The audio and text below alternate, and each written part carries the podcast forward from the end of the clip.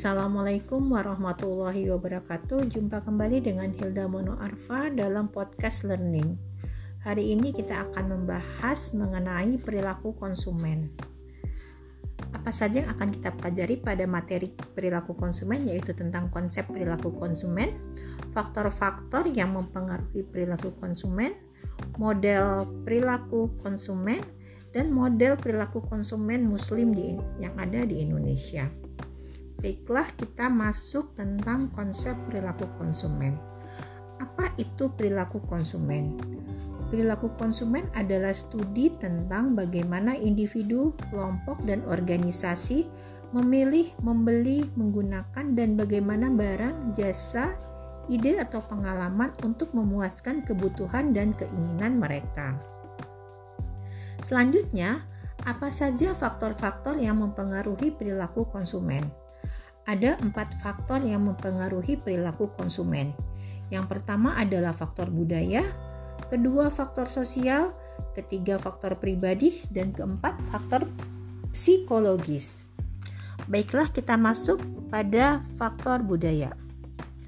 Faktor budaya merupakan penentu keinginan dan perilaku yang paling dasar, atau budaya juga merupakan determinan dasar keinginan dan perilaku seseorang. Budaya terdiri dari subbudaya yang mencakup kebangsaan, agama, kelompok, ras, dan wilayah geografis. Di dalamnya juga termasuk kelas sosial, strata, dan stratifikasi sosial. Sekarang kita masuk poin kedua, yaitu tentang faktor sosial. Faktor sosial di sini terdiri dari kelompok acuan, pemimpin opini, keluarga, dan juga peran dan status sosial. Kelompok acuan merupakan kelompok yang memiliki pengaruh langsung tatap muka atau tidak langsung terhadap sikap atau perilaku seseorang. Kelompok acuan terbagi menjadi kelompok primer, sekunder, dan kelompok aspirasi, juga kelompok disosiasi.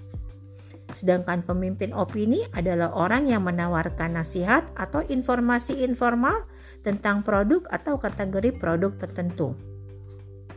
Keluarga merupakan kelompok acuan primer yang paling berpengaruh. Keluarga di sini terbagi menjadi dua bagian, yaitu keluarga orientasi yang termasuk orang tua dan saudara kandung, dan yang kedua adalah keluarga prokreasi, yaitu pasangan dan anak-anak. Sedangkan peran dan status sosial kita itu meliputi peran kegiatan yang biasa kita lakukan, baik itu di masyarakat maupun peran-peran kita di kelompok pekerjaan.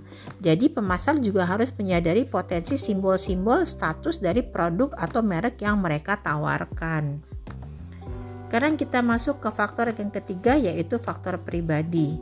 Yang termasuk dalam faktor pribadi di sini adalah usia dan tahap siklus hidup. Jadi setiap orang memiliki siklus hidup masing-masing.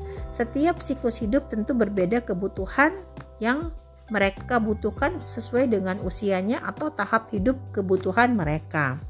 Ada juga pekerjaan dan lingkungan ekonomi. Pekerjaan seseorang dituntut dengan produk yang mereka butuhkan tentu berbeda.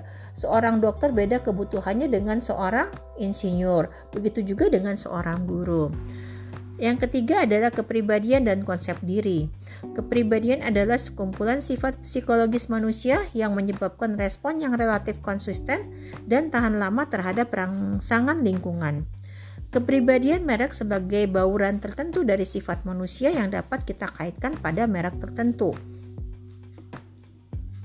Sekarang kita masuk faktor yang keempat yaitu faktor psikologis. Psikologis terdiri dari empat proses psikologis utama yaitu motivasi, pembelajaran, persepsi, dan memori.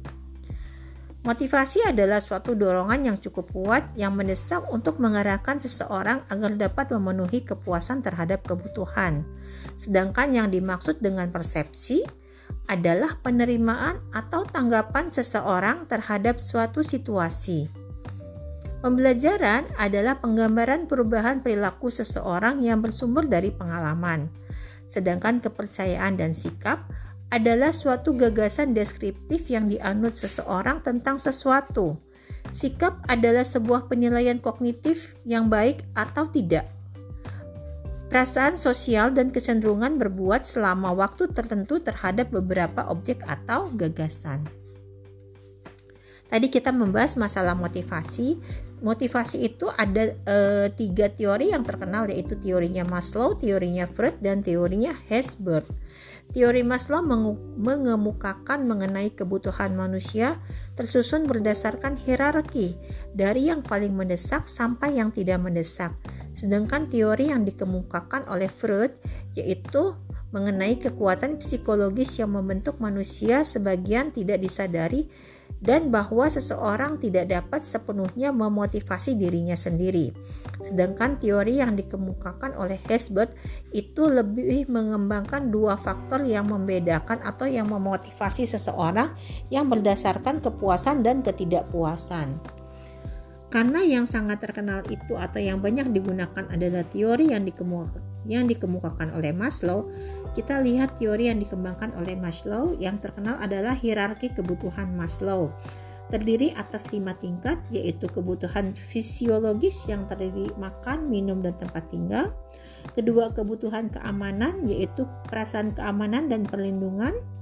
Ketiga kebutuhan sosial yaitu perasaan diterima sebagai anggota kelompok atau rasa ingin dicintai.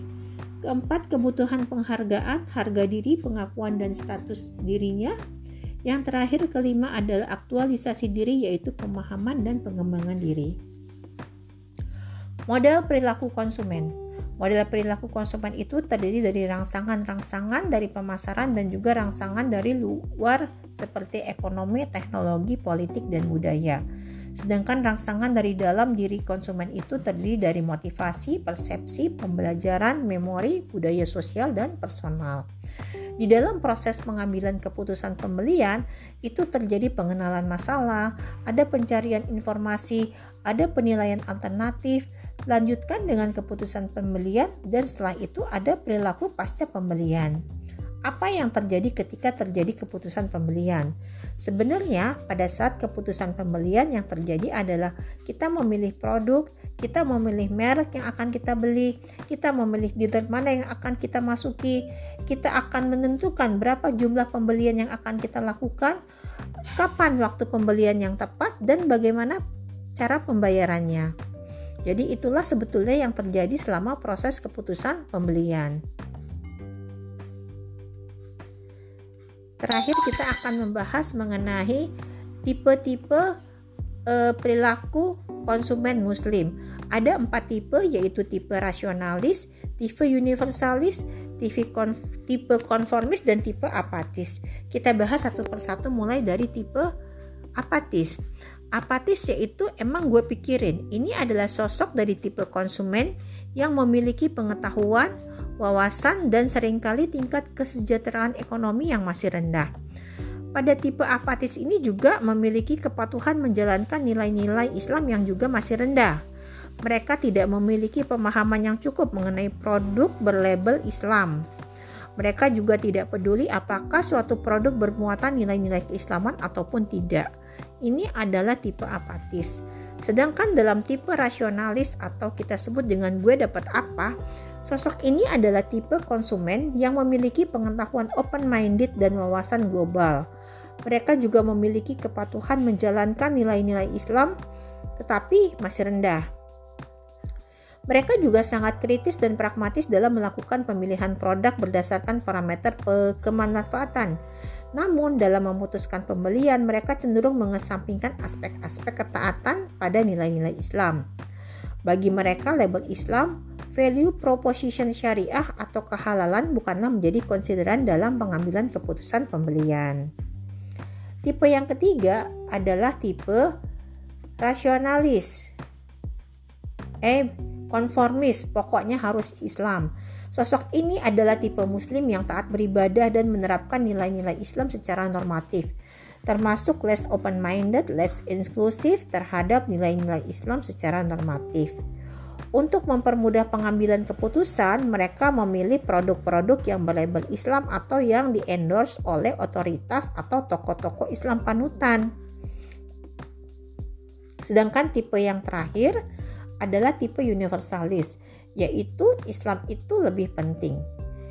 Sosok ini adalah tipe konsumen yang memiliki pengetahuan dan wawasan yang luas, pola pikir global, dan melek teknologi. Mereka memiliki kepatuhan menjalankan nilai-nilai Islam yang teguh dalam kehidupan sehari-hari, menerapkan nilai-nilai Islam secara substantif, bukan normatif. Lebih mau menerima perbedaan dan menjunjung tinggi nilai-nilai yang bersifat universal, dan mereka juga tidak malu berbeda tetapi di sisi lain mereka cenderung menerima perbedaan orang lain atau kita sebut juga dengan open minded. Demikianlah penjelasan singkat mengenai bahasan tentang perilaku konsumen. Semoga apa yang saya sampaikan dapat dipahami dan kalian mengerti aplikasinya dalam dunia nyata. Assalamualaikum warahmatullahi wabarakatuh.